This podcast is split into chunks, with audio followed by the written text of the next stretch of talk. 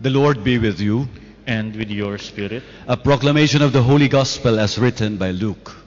Glory to you, O Lord. Jesus said to the Pharisees, There was a rich man who dressed in purple garments and fine linen and dined sumptuously each day. And lying at his door was a poor man named Lazarus, covered with sores, who would gladly have eaten his fill of the scraps that fell from the rich man's table. Dogs even used to come and lick his sores. When the poor man died, he was carried away by angels to the bosom of Abraham. The rich man also died and was buried. And from the netherworld, where he was in torment, he raised his eyes and saw Abraham far off and Lazarus at his side. And he cried out, Father Abraham, have pity on me. Send Lazarus to dip the tip of his finger in water and cool my tongue, for I am suffering torment in these flames. Abraham replied, My child, remember that you received what was good during your lifetime, while Lazarus likewise received was what was bad. But now he is comforted here, whereas you are tormented. Moreover, between us and you, a great chasm is established to prevent anyone from crossing who might wish to go from our side to yours or from your side to ours. He said, Then I beg you, Father, send him to my father's house, for I have five brothers, so that he may warn them, lest they too come to this place of torment. But Abraham replied, They have Moses and the prophets. Let them listen to them. He said, Oh no, Father Abraham, but if someone from the dead goes to them, then they will repent. Then Abraham said, If they will not listen to Moses and the prophets, neither will they be persuaded if someone should rise from the dead. The Gospel of the Lord. Praise to you, Lord Jesus Christ. Please be seated. Dear friends, there seems to be two types of people. People who are talkative and people who are silent. You know, people who like relating with others. Like in a party, you socialize, you talk a lot. That's one type of people. And there's another type who'd rather prefer to stay at home, who are the silent type. I don't know which type are you. The talk, talking type or the silent type. Maybe either or or both. Sometimes you're talkative, sometimes you're silent. If I ask myself, maybe I am also both. I already told you when I was young, my aunt would always pinch my nose because it was so flat to make it a little bit taller. But there's more to the story. She would actually like me to argue because I reason out with her, don't do that. You might cut my nose. And then she said, I'll cut your nose. No, you can't do that because I cannot breathe. She said, then she would continue, I'll cut your ears. No, you can't do that because I cannot hear, etc. She was enjoying that because she would say, someday this kid will become a lawyer. So she continued doing it because she wanted me to be a lawyer. Until the day came when I sliced the stomach of my pet fish, it died. And I wanted to preserve the fish. Now they were wondering, will he become a lawyer? Maybe he will become a doctor after all. Or maybe not a doctor, maybe a funeral worker.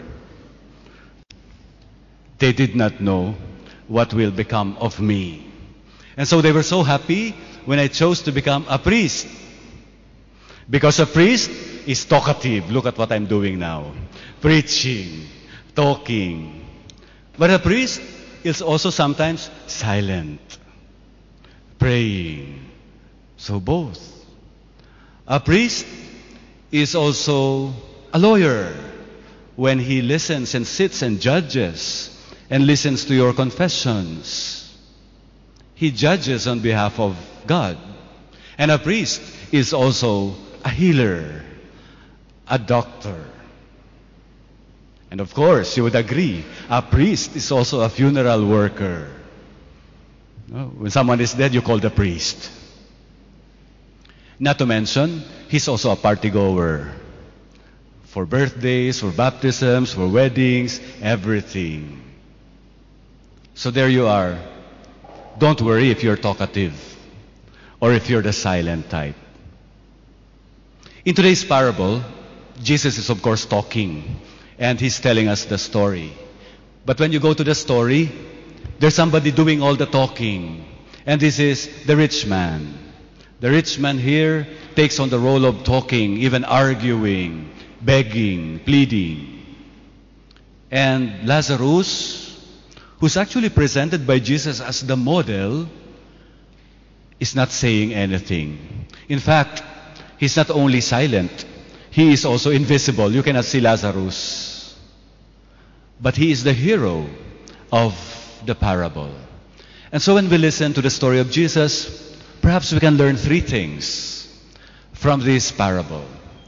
The first is Lazarus is a gift. And the Lazarus among us are gifts to us. The value that Jesus is underlining in the entire parable is the pricelessness of a person.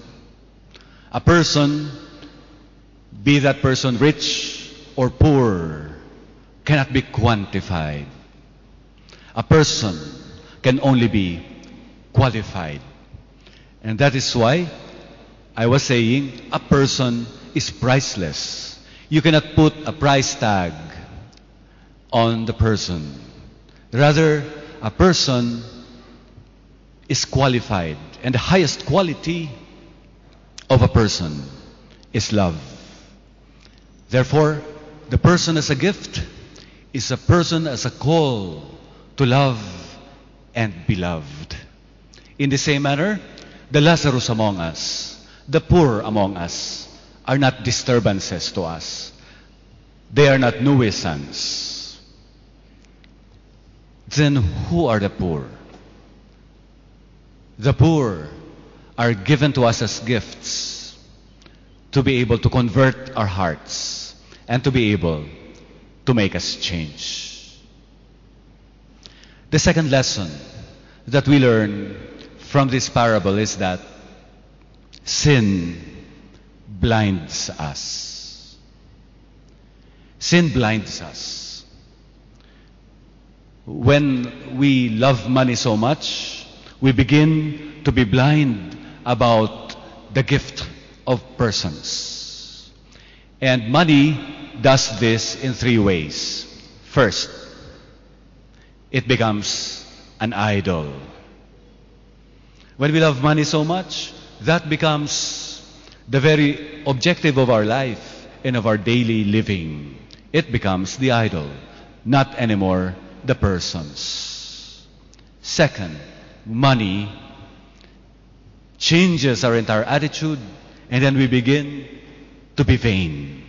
Vanity is the second way money changes us. We begin to love ourselves so much. Of course, I'm saying, I'm not saying that it's not bad to love oneself or to have some time for self. But putting that to the extreme, you become vain. And vanity prevents you from solidarity, from exercising works whereby you can help the poor. And thirdly, money does not only make us vain, it makes us proud. The third and the most difficult sin is actually pride. So the love of money can lead to pride. That is why in the second lesson, well, in the first lesson, Lazarus is a, is a gift. And in the second lesson, sin blinds us. So we ask that the poor, the presence of the poor among us, allow us to change. To change from our idolatry, to change from our vanities, and to change our pride. And we can only attain this if we get to the third lesson. The third lesson, and in fact the most important lesson of the parable, Jesus spends a lot of time in the story explaining this one. And this seems to be very difficult to understand.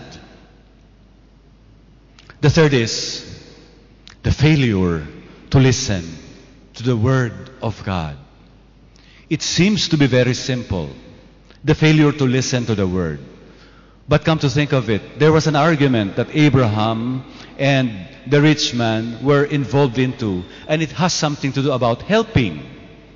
If not anymore the rich man, because there's a chasm between heaven and the enjoyment of the afterlife and the torment that the rich man was suffering, they could not help each other, then the little argument that the rich man wanted was the help to be extended not to him anymore, but to the five brothers and sisters who are still living like us, still here, still listening to the story, still listening to the parable. Maybe if someone rises from the dead, oh, we will begin to listen and we will begin to change. No. The answer of Abraham was no. And why not? Well, they already have Moses. They already have the Word, the law. They have everything in their means. And not only that, the prophets who would time and again remind them. Despite that, they would not listen. And so the prediction of Abraham is they would not listen even to persons appearing to them from the dead. What is the lesson that is underlined by Jesus in telling this parable to us? It is the supreme importance of heeding, of listening to the Word of God. Because that is the only way given to us so that we can change, so that we can overcome pride, which is the singular impossible obstacle, almost impossible obstacle for us to overcome. If we look at ourselves and listen to our conscience, and we begin to realize that there are sins that we cannot simply overcome, we cannot simply grow from or disregard, then that is rooted in pride. What is the cure? Of course, you say, the sacrament of confession. Of course it is. But when we listen to the story of Jesus, when we begin to look for more words that He is telling us, we find that He is loving us by His words. We find that by being very talkative, telling us stories, He loves us so that we do not get lost. The words that He says to us are like lamps, light, so that we, not, we may not get lost in the darkness of idolatry, vanity, and pride. In today's Sunday, let us pray for this singular grace, that the Spirit of the Lord may be our light, so that we may be guided from the darkness of sin, so that when the poor among us, the Lazarus among us, appear in front of our doors, we may not turn away.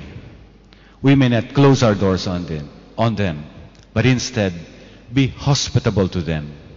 Because being hospitable to the poor is being hospitable to the Word, being hospitable to Jesus, who would like to tell us a story so that we can begin to change.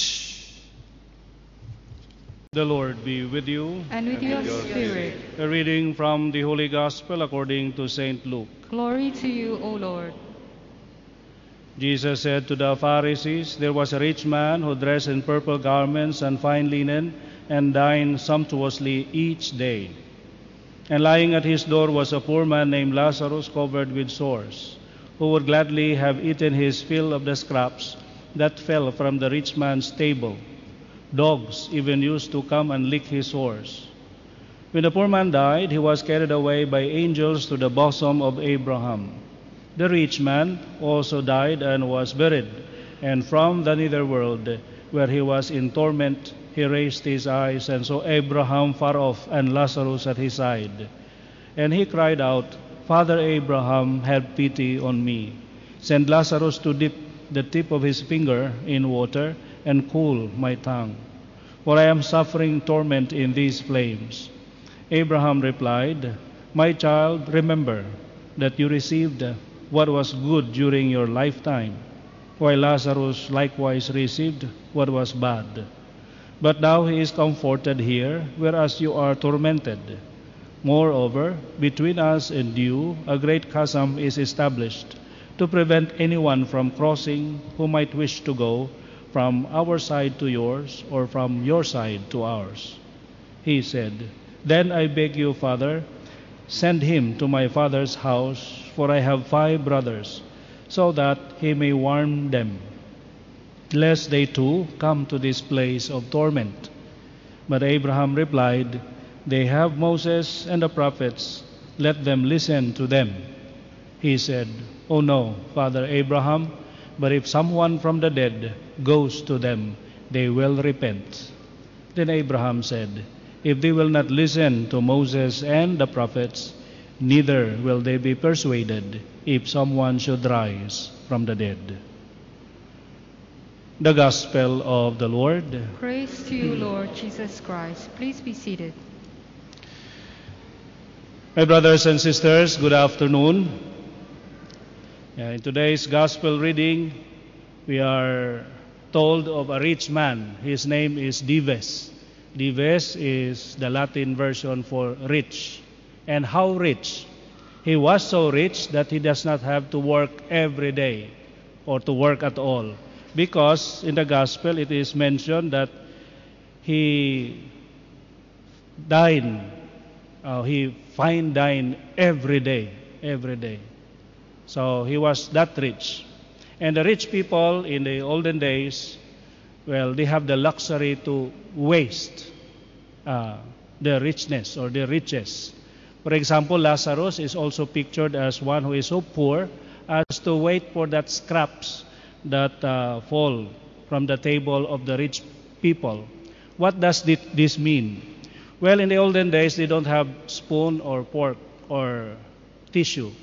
Uh, that's why when they use their hands and uh, could sense that they would like to wipe off the uh, food uh, remains in there, they would take a bread and wipe their hands clean and then throw the bread. So that becomes now the tissue. This is the one that the, the poor Lazarus was waiting. So this rich man is so rich as to even use bread as a toilet and then throw it away.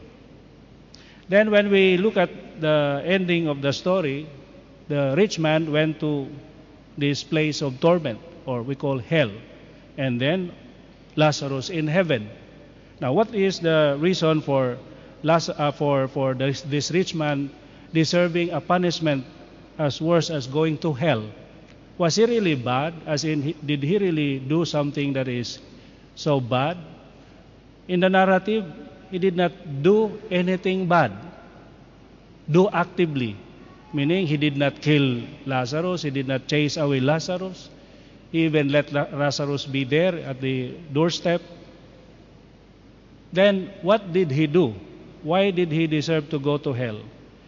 The reason why he deserved to go to hell because he did not do anything. Anything good that he is capable of doing. That's why committing a sin, there are two ways. One is doing bad, and then the other one is not doing the good that we can possibly do.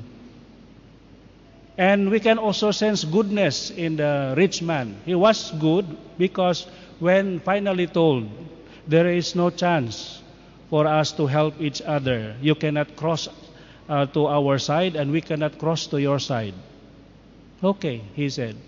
Then at least send somebody to my brothers. I still have brothers there. Meaning to say, he was concerned of his brothers. And he was good. But why? Why just the same he was sent to hell? Because his goodness did not go beyond the limits of his family, his friends. Remember that our Lord Jesus Christ once told us that if you invite those who can invite you, if you are good to those who are good to you, what merit would that be? Even uh, sinners do that. But if you would like to really follow me and become my disciple, you have to love your enemies. Meaning to say, go outside the comfort zones of, that you have and then reach out to help. So that's one of the lessons we can learn today. Let our goodness, as much as possible, go beyond the limits of family and friends. But it is enough for a person to be in need for us to extend help, especially when we are capable. Then at the end of the narrative, it was also told that uh, uh, the reason why uh, Lazarus now fairly or just justly experience torment in hell because you experience good things while you are alive. that does it mean that to be rich or to uh, to to experience or to yeah uh, live lux to yeah enjoy luxury in this world is uh, sinful not at all because sometimes really we uh, have it because of our hard work the only thing is the rich man did not share it he just simply was contented of himself enjoying fine dining by himself. When in fact there is this poor man who is very visible, but he was blind to Lazarus at his doorstep. So to be rich, to be able to have this uh, wealth is not sinful. The only thing is the way we handle or spend them. If we only spend them for us, then that becomes now sinful. Why? Because the blessings that God gave to us is not meant only for us, but for us to share with others, especially those who are in need. Then that becomes now an instrument of salvation. The rich man in another parable said to himself, Now I have so much harvest, and my uh, storage or barn is not enough to keep my harvest. So I will destroy this old one, this small one, and build a bigger ones. And then I would have enough for myself. I would enjoy every day. Eat, eating, drinking, sleeping, enjoying my life. He was only thinking of himself. And then, of course, the Lord said, You fool, today or tonight, your soul will be taken out from you. Then for whom will those riches be? Ah. So the message is for us to be good and let our goodness goes beyond the limits of family and friends, but really for those who are in need. And let our blessings be shared because they are given to us not only for us, but for us to share to others. When we do so, then indeed worldly riches can be instruments in order to gain heavenly rewards. Amen. Tuhan bersamamu dan bersama rohmu. Inilah Injil suci menurut Santo Lukas. Dimuliakanlah Tuhan. Sekali peristiwa Yesus berkata kepada orang-orang Farisi, "Ada seorang kaya yang selalu berpakaian ungu dari kain halus, dan setiap hari ia bersukaria dalam kemewahan. Ada pula seorang pengemis bernama Lazarus, badannya penuh dengan borok. ia berbaring dekat pintu rumah orang kaya itu dan ingin menghilangkan laparnya dengan apa yang jatuh dari meja orang kaya itu. Malahan anjing-anjing datang dan menjilat boroknya. Kemudian matilah orang miskin itu, lalu dibawa oleh malaikat-malaikat ke pangkuan Abraham. Orang kaya itu juga mati, lalu dikubur. Sementara menderita sengsara di dalam maut, ia memandang ke atas, dan dari jauh dilihatnya Abraham dan Lazarus duduk di pangkuannya. Lalu ia berseru, Bapa Abraham, kasihanilah aku. Suruhlah Lazarus supaya ia mencelup ujung jarinya ke dalam air dan menyejukkan lidahku. Sebab aku sangat kesakitan dalam nyala api ini. Tetapi Abraham berkata, Anak ingatlah, engkau telah menerima segala yang baik semasa hidupmu, sedangkan Lazarus segala yang buruk. Sekarang di sini ia mendapat penghiburan, dan engkau sangat menderita. Selain itu, di antara kami dan engkau terbentang jurang yang tak terseberangi supaya mereka yang mau pergi dari sini kepadamu, ataupun mereka yang mau datang ke situ, dari situ kepada kami, tidak dapat menyeberang. Kata orang itu, kalau demikian aku minta kepadamu Bapa, supaya engkau menyuruh dia ke rumah ayahku.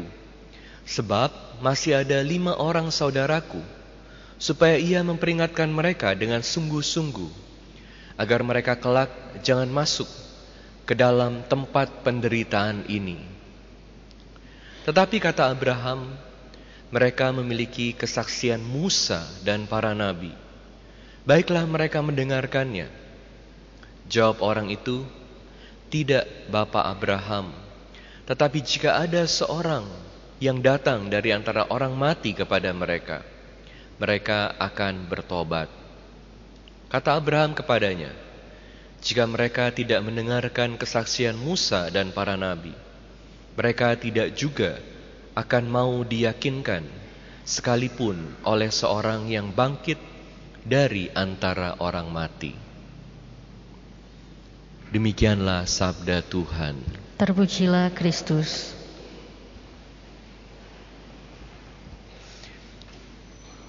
Ada satu pepatah mengatakan kekayaan itu adalah budak yang baik, tetapi tuan yang tidak baik.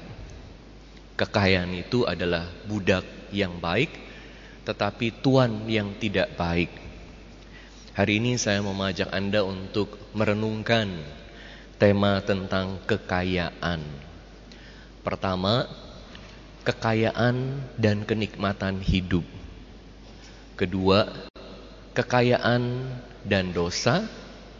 Ketiga, kekayaan dan keselamatan. Pertama, kekayaan dan kenikmatan hidup. Kenapa dalam hidup kita mengejar kekayaan? Banyak orang mengejar kekayaan. Karena apa? Karena kekayaan ini ada banyak hal yang bisa diberikan dengan kekayaan. Orang yang belum punya uang selalu mengejar supaya bisa punya uang. Yang sudah punya uang masih terus mau punya uang lebih banyak. Bahkan yang kaya raya pun mengejar uang lebih banyak lagi. Kenapa sih? Kita melihat Seringkali uang ini menjadi sumber rasa aman. Kalau punya uang, kita bisa lakukan banyak hal. Kalau punya uang, berbagai kebutuhan dasar kita bisa terpenuhi. Kalau kita punya uang, lebih dihormati. Uang menjadi simbol status. Punya uang juga membawa kenikmatan dalam hidup. Makanya dalam Injil ini kita melihat bagaimana orang kaya dengan uangnya ini punya pakaian yang nyaman. Dia bisa bersukaria, bisa makan enak. Ada banyak hal yang bisa didapatkan dengan uang. Kenikmatan dari uang. Boleh gak dalam hidup mencari kenikmatan? Boleh gak menikmati hidup? Tentu manusia diciptakan oleh Tuhan dengan kemampuan untuk bisa menikmati hidup. Jadi, makan makanan yang enak itu boleh. Jadi, minum minuman yang enak boleh. Rekreasi boleh. Manusia diciptakan dengan kemampuan untuk menikmati hidup jadi kemampuan untuk menikmati hidup ini berasal dari Tuhan. Kenapa Tuhan kasih kemampuan untuk menikmati ini? Karena kalau kita bisa menikmati sesuatu, kita akan mencari hal yang kita nikmati itu.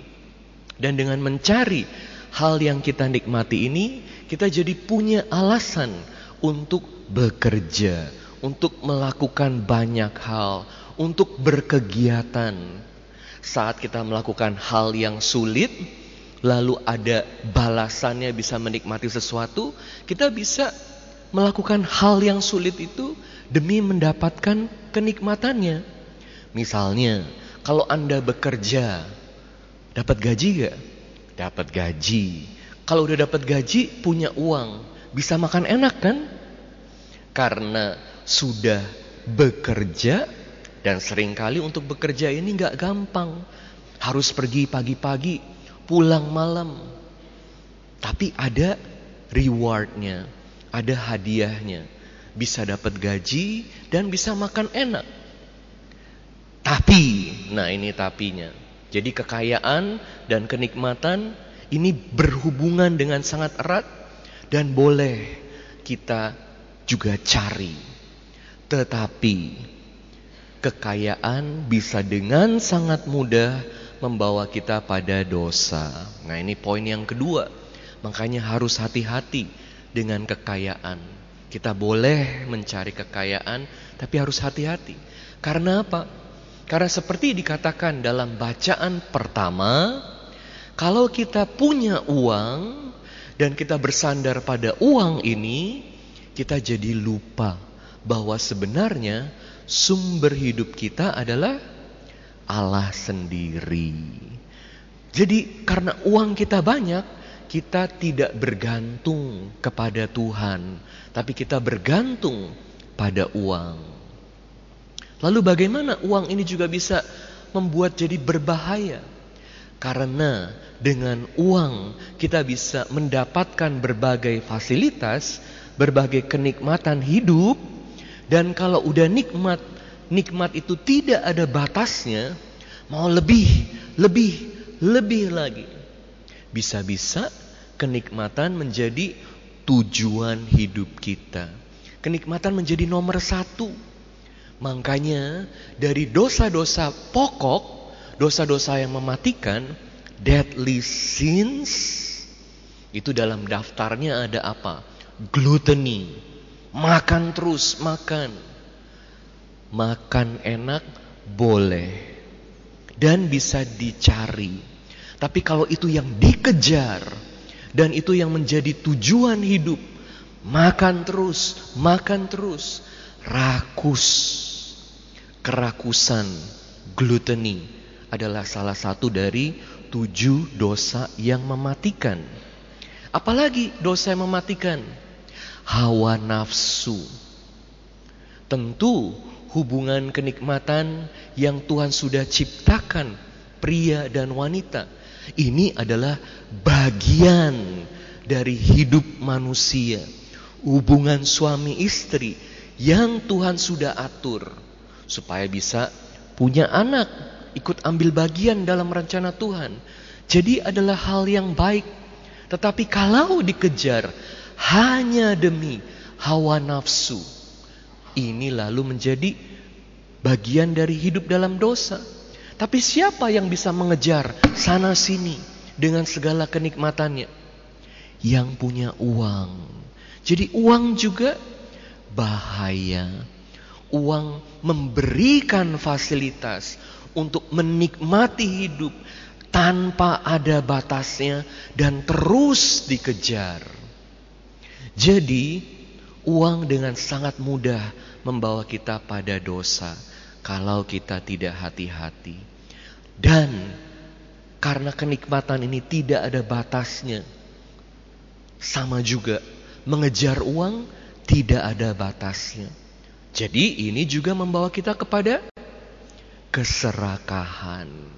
Mau lebih, lebih dan lebih. Dengan uang lebih banyak, lebih nikmat. Dengan uang lebih banyak, lebih berkuasa. Dengan uang lebih banyak, lebih punya status. Makanya uang menjadi Allah yang baru dalam hidup banyak orang. Uang juga merusak banyak orang. Bahkan merusak hati kita. Jadi, karena dalam hidup fokusnya adalah uang dan kenikmatan, ada banyak orang yang jadi tidak peduli lagi sama orang lain. Nah, ini kita lihat orang kaya dalam bacaan Injil ini, ada orang yang begitu menderita di depan rumahnya, di depan matanya. Apa yang dia buat? Dia tidak buat apa-apa. Sehingga Anda lihat bagaimana sesudah kematian sementara Lazarus dipangku oleh Abraham. Orang kaya ini menderita. Bagaimana caranya supaya kita masih bisa dipercaya oleh Tuhan untuk punya kekayaan?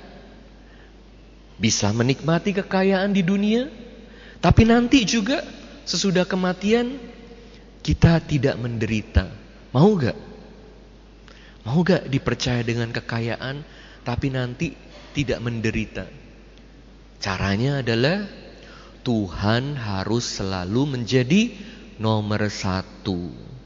Kalau Tuhan menjadi nomor satu dalam hidup kita, kita juga akan selalu mencari cara supaya berbagai hal yang Tuhan sudah percayakan kepada kita, kekayaan ini bisa terus dinikmati, tapi juga bukan hanya untuk diri kita sendiri, tetapi terutama untuk karya Tuhan di dunia, misi gereja Bagaimana bisa membantu orang lain di sekitar kita. Dan bagaimana kita tetap bisa punya hati. Compassion. Rasa kasih sayang. Membantu orang-orang yang ada di sekitar kita. Jadi kalau Tuhan sudah bantu kita untuk bisa punya standar hidup yang lebih tinggi. Jangan hanya standar pengeluarannya aja yang lebih banyak. Tapi juga Bagaimana kita bisa membantu orang lain lebih banyak lagi. Karya gereja lebih banyak lagi. Sehingga kita juga semakin dipercaya oleh Tuhan. Tetapi kita tidak dirusak oleh kekayaan kita. Kita tidak dirusak oleh pengejaran akan kenikmatan dunia. Kita jadi tahu batasnya kita juga bisa bertumbuh menjadi pribadi yang semakin murah hati. Di sekitar kita ada banyak orang yang membutuhkan bantuan kita. Kita melihat mereka gak?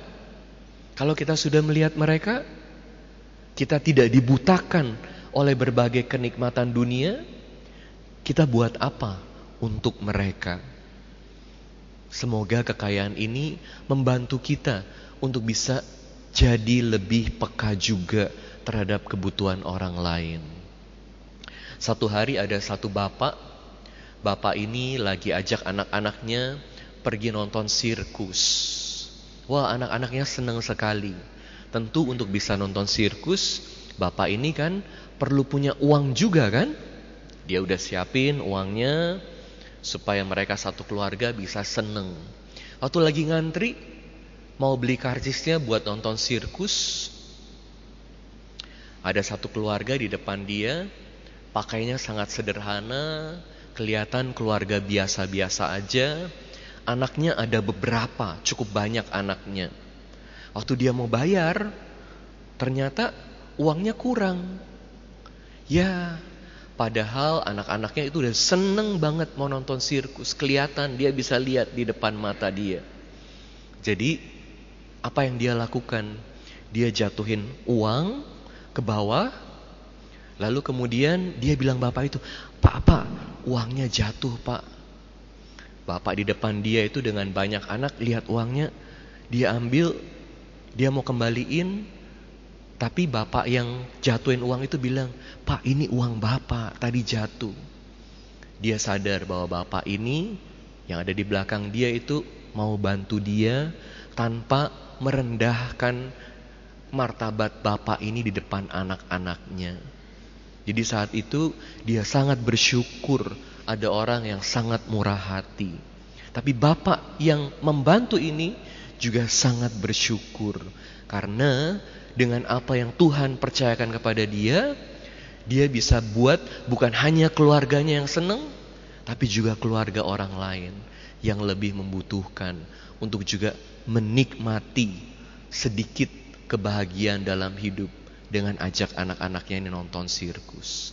Semoga kita semua dengan apa yang Tuhan sudah percayakan kepada kita bukan dibutakan, bukan dirusak oleh kekayaan kita, tapi selalu menjadi sadar kita dimampukan untuk bisa membantu orang lain. Amin. Tuhan bersamamu. Dan bersama rohmu. Inilah Injil suci menurut Lukas. Dimuliakanlah Tuhan.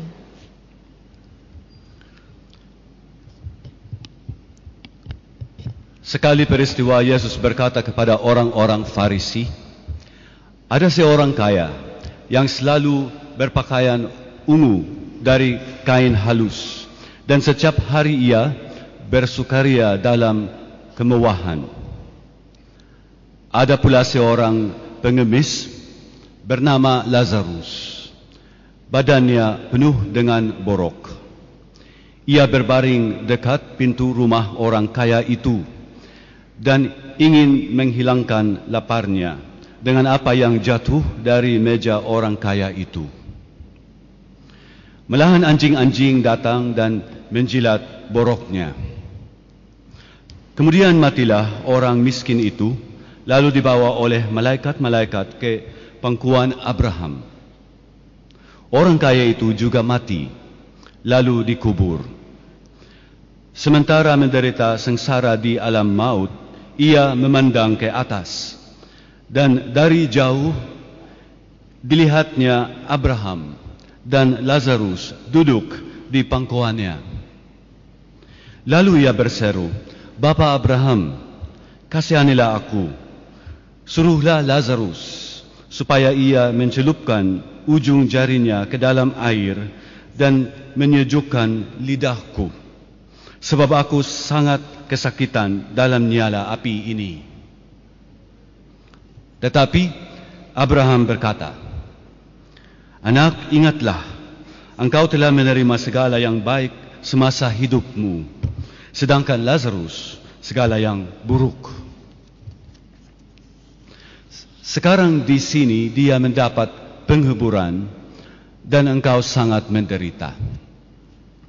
Selain itu di antara kami dan engkau terbentang jurang yang tak terseberangi terseberangi supaya mereka yang mau pergi dari sini kepadamu ataupun mereka yang mau datang dari situ kepada kami tidak dapat menyeberang. Kata orang itu kalau demikian aku minta kepadamu bapa supaya engkau menyuruh dia ke rumah ayahku sebab masih ada lima orang saudaraku supaya ia memperingatkan mereka dengan sungguh-sungguh agar mereka kelak jangan masuk ke dalam tempat penderitaan ini. Tetapi kata Abraham, mereka memiliki kesaksian Musa dan para nabi. Baiklah mereka mendengarkannya. Jawab orang itu, tidak Bapak Abraham, tetapi jika ada seorang yang datang dari antara orang mati kepada mereka, mereka akan bertobat. Kata Abraham kepadanya, jika mereka tidak mendengarkan kesaksian Musa dan para nabi, mereka tidak juga akan mau diyakinkan sekalipun oleh seorang yang bangkit di antara orang mati. Demikianlah sabda Tuhan. Terpujilah Kristus.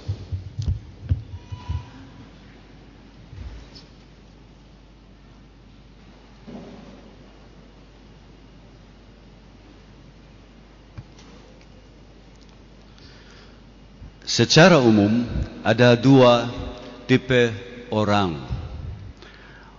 Orang yang banyak berbicara dan orang yang tidak banyak bicara. Tipe pendiam dan yang suka berteman. Orang yang suka pesta atau kebisingan dan mereka yang berikutnya akan kita sebut sebagai orang rumahan. Anda berada di kelompok yang mana? Salah satu atau atau keduanya? Ketika saya masih kecil, saya sering berdebat dengan tante saya yang sering mencubit hidung yang hidung saya untuk membuatnya lebih mancung. Dia suka cara aku berdebat. Dia bilang bahwa aku akan menjadi pengacara suatu hari nanti. Sampai saya mulai mengawetkan ikan peliharaan saya yang sudah mati. Mereka tidak dapat memperkirakan apakah saya akan menjadi dokter suatu hari nanti atau pekerja pemakaman. Dan sungguh melegakan bagi mereka bahwa saya memutuskan untuk menjadi seorang imam.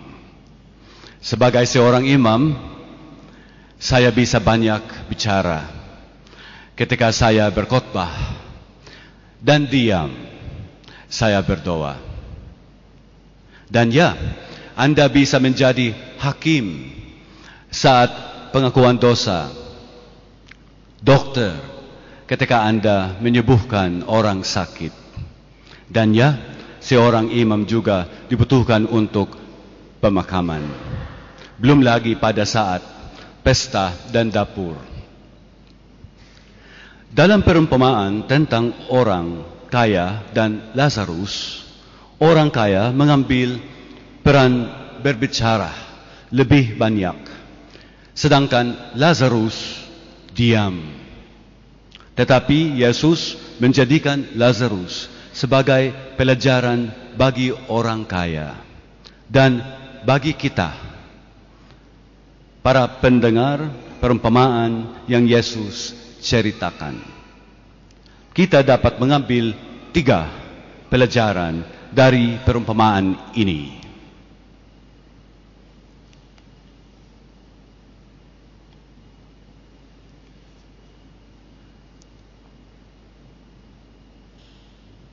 Tiga pelajaran dari perumpamaan ini. Pertama, Lazarus merupakan hadiah. Meskipun dia tidak terlihat dalam cerita oleh orang kaya, Lazarus adalah orang yang nyata dan Tuhan memandangnya sebagai sesuatu yang tak ternilai harganya. Jadi, kita belajar bahwa hubungan yang benar dengan orang lain terdiri dari pengakuan atas nilai mereka dengan penuh rasa syukur. Orang miskin di antara kita bukanlah gangguan karena mereka memanggil kita untuk pertobatan dan perubahan. Kedua, dosa dapat membutakan kita. Dalam kehidupan orang kaya, kita dapat melihat sekilas kerusakan akibat dosa yang berlangsung dalam tiga tahap. Pertama, cinta uang. Kedua, kesia-siaan. Dan ketiga, kesombongan. Uang bisa mendominasi kita dan menjadi budak. Budaknya membiarkan kita berbuat baik. Hal yang sifatnya fana menghalangi kita untuk menunjukkan solidaritas. Dan akhirnya kekayaan dapat mengikat kita pada keegoisan sehingga tidak menyisakan ruang untuk cinta dan menghalangi perdamaian. Ketiga, kegagalan mengendahkan firman Tuhan. Orang kaya berusaha agar Lazarus memperingatkan saudara-saudaranya, tetapi Abraham mengatakan bahwa mereka tidak akan mendengarkan, bahkan jika seseorang harus bangkit dari kematian, karena mereka bahkan mengabaikan Musa dan para nabi. Kegagalan untuk mengendahkan firman Tuhan menutup hari kita terhadap segala sesuatu dan semua orang. Jadi, terlalu banyak mencintai diri sendiri sebenarnya gagal untuk benar-benar mencintai diri sendiri dan sesama. Karena pada dasarnya adalah penolakan terhadap semua kemungkinan mencintai dan dicintai. Marilah kita memohon rahmat kepada Tuhan untuk memperhatikan dia, untuk cahayanya, agar ia menghilangkan kebutaan kita karena dosa, dan untuk rohnya, sehingga kita dapat benar-benar mengenali orang-orang sebagai karunia. Tuhan bersamamu.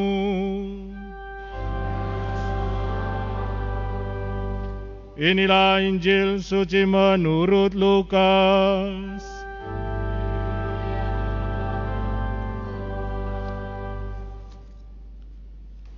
Sekali peristiwa, Yesus berkata kepada orang-orang Farisi, "Ada seorang kaya yang selalu berpakaian ungu dari kain halus, dan setiap hari ia bersukaria dalam kemewahan." Ada pula seorang pengemis bernama Lazarus, badannya penuh dengan borok.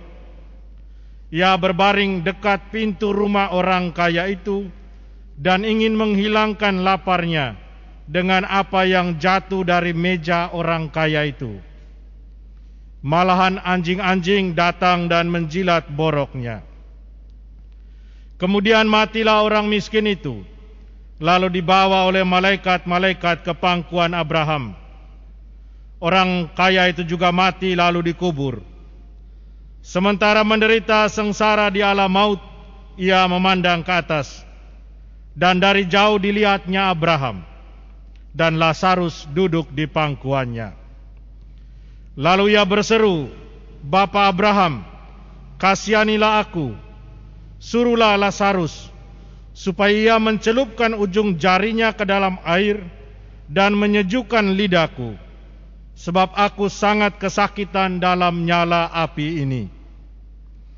Tetapi Abraham berkata, Nak, ingatlah, engkau telah menerima segala yang baik semasa hidupmu, sedangkan Lazarus segala yang buruk.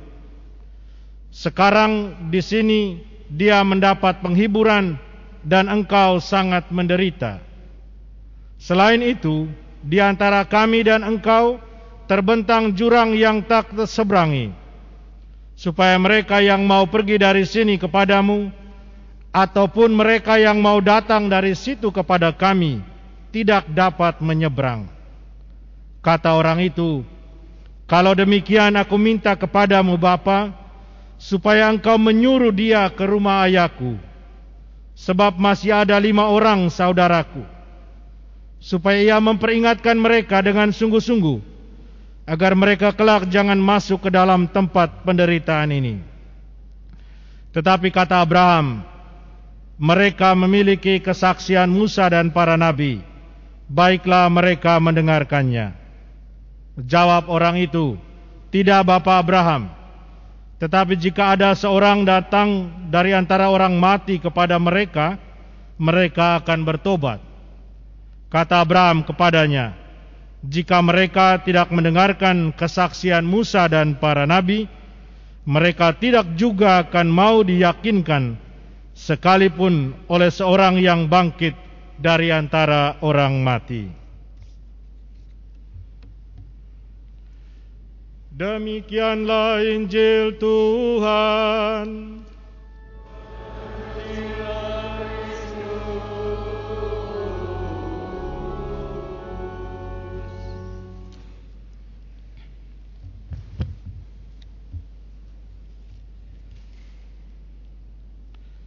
Bapak, Ibu, Saudara dan Saudariku yang terkasih, renungan di hari Minggu biasa yang ke-26 ini bisa sangat singkat dengan satu pertanyaan. Dan kalau pertanyaan itu dijawab, maka selesai. Kesimpulannya didapat. Pertanyaannya itu demikian. Siapa dari antara Anda semua Bapak Ibu Saudara dan Saudari Siapa yang mau masuk surga Angkat tangan Angkat tangan Saya ulang sekali lagi Siapa yang mau masuk surga Ada yang malu-malu Ini saya ragukan ini Siapa yang mau masuk surga semua mau masuk surga atau tidak? Mau. Benar mau masuk surga?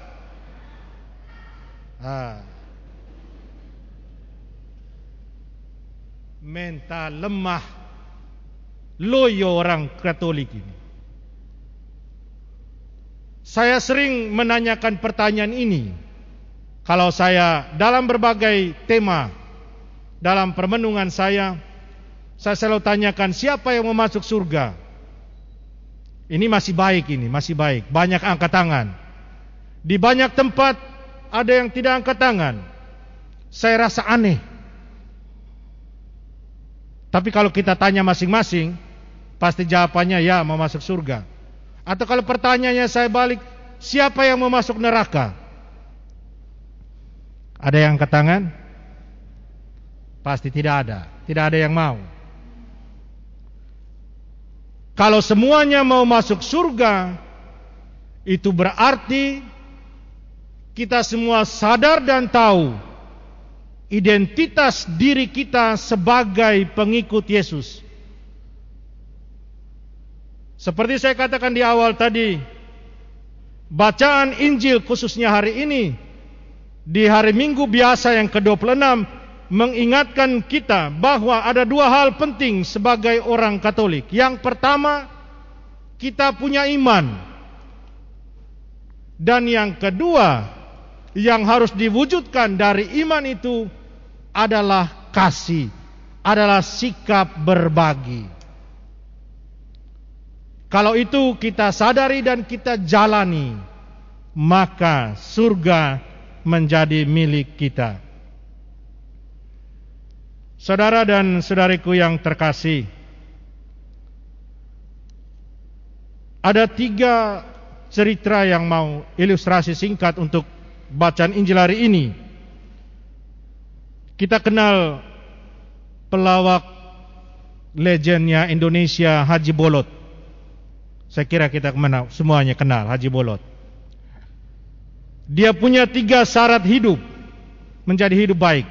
Dan yang ketiga, dia katakan yang ketiga, jangan lupa beri sedekah. Dan dia katakan, kalau anda dapat seribu perak saja, dua setengah, 2,5 persen dari seribu perak itu adalah milik orang lain. Luar biasa untuk saya ini. Adalah milik orang-orang yang membutuhkan. Kemudian yang kedua, saya bertemu dengan beberapa pengusaha dan mereka yang saya bertemu ini selalu mereka ulang-ulang beberapa kali dalam pertemuan. Mereka katakan demikian Romo apa yang kami miliki ini hanyalah titipan. Ini bukan milik kami Romo. Ini Tuhan titip kepada kami supaya yang pertama keluarga kami bisa hidup baik dan kemudian orang lain juga bisa hidup baik karena kami. Karena Tuhan pakai kami agar mereka juga hidup baik. Saya rasa luar biasa ini. Kemudian yang ketiga Bapak Paus Fransiskus ketika dia dipilih menjadi paus temannya kardinal dari Brasil bisikan kepada dia jangan lupa orang miskin. Makanya tidak heran kemudian Bapak Paus dia memilih nama Fransiskus di mana dia ambil dari Santo Fransiskus dari Assisi seorang yang sangat dekat dengan orang miskin. Dan bahkan dalam teologinya Bapak Paus Fransiskus sangat menekankan bahwa gereja harus menjadi gereja orang miskin. Dalam arti gereja yang sederhana, gereja yang memperhatikan orang miskin, gereja yang peduli dengan orang miskin, gereja yang belajar dari orang miskin. Saudara dan saudariku yang terkasih dalam Kristus, balik kembali kepada Injil kita hari ini tentang kaya dan miskin tentang si kaya dan Lazarus orang miskin. Kalau mau dilihat orang kaya ini kesalahannya di mana? Satu dia tidak mengusir orang miskin ini. Dia membiarkan orang miskin itu di situ. Dan yang kedua dia menjalani perintah agama mereka untuk tidak bergaul dengan orang-orang seperti itu supaya tidak mendatangkan ketidakbersihan supaya tidak mendatangkan dosa buat mereka. Dia punya dosa hanya satu ketidakpedulian. Dia berfoya-foya sementara di sampingnya ada orang yang sangat menderita dia lupa bahwa dia harus buat sesuatu dari apa yang dia punya. Dan dia tidak buat itu. Dia tidak peduli, dia ingat diri. Egonya tinggi sekali. Dia tertutup matanya terhadap Lazarus yang berbaring dekat pintu rumahnya. Saudara dan saudariku yang terkasih,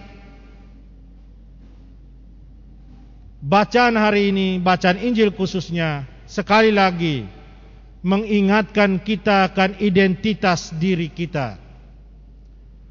Semua yang kita miliki adalah karunia dan anugerah dari Tuhan. Karena itu adalah anugerah dan karunia dari Tuhan, maka semuanya itu harus dibagi apa pun itu, bukan hanya materi. Berbagi senyum, berbagi kata-kata yang menguatkan, meneguhkan, berbagi kasih sayang, berbagi perhatian, berbagi materi dari kelebihan yang kita miliki, dan banyak hal lagi. Pernah satu orang anak gadis umur 16 tahun sebelum pengakuan dia katakan saya lihat di tangannya ada bekas oretan-oretan silet. Terus saya katakan kita tidak usah mengaku dulu, kamu tidak usah mengaku. Saya Romo mau tanya kenapa itu tangan keoretan-oretan. Jangan dulu mengakur, kemudian dia cerita kehidupannya yang stres. Tidak ada kasih. Pagi papa keluar kerja, mama keluar, anak-anak semua pergi sekolah, tidak ada waktu bersama. Dia cerita sambil menangis.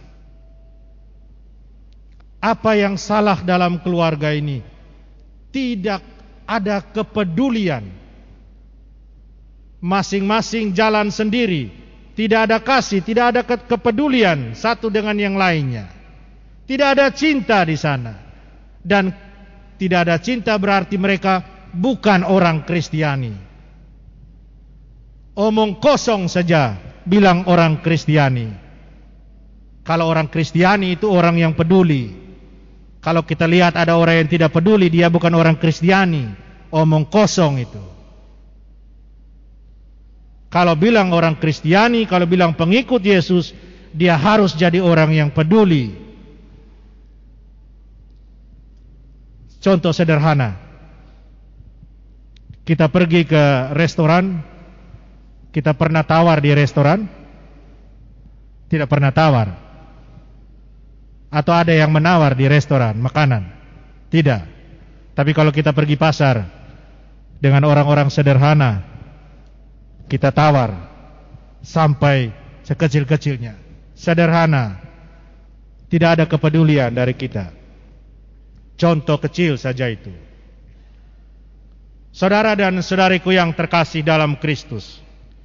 Mari dengan bacaan-bacaan suci hari ini, mari kita berjuang kembali.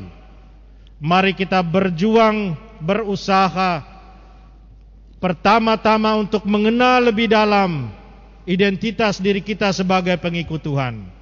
Mari kita hidup berbagi. Apa saja itu.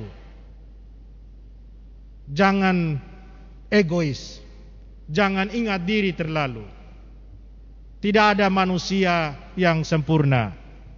Ketika kita mati, kita dikubur di ukuran yang sama mungkin. Tidak ada yang engkau bawa ke dalam ke liang kubur. Karena itu, mari kita hidup berbagi, hidup sebagai pengikut-pengikut Tuhan Yesus. Tuhan memberkati kita.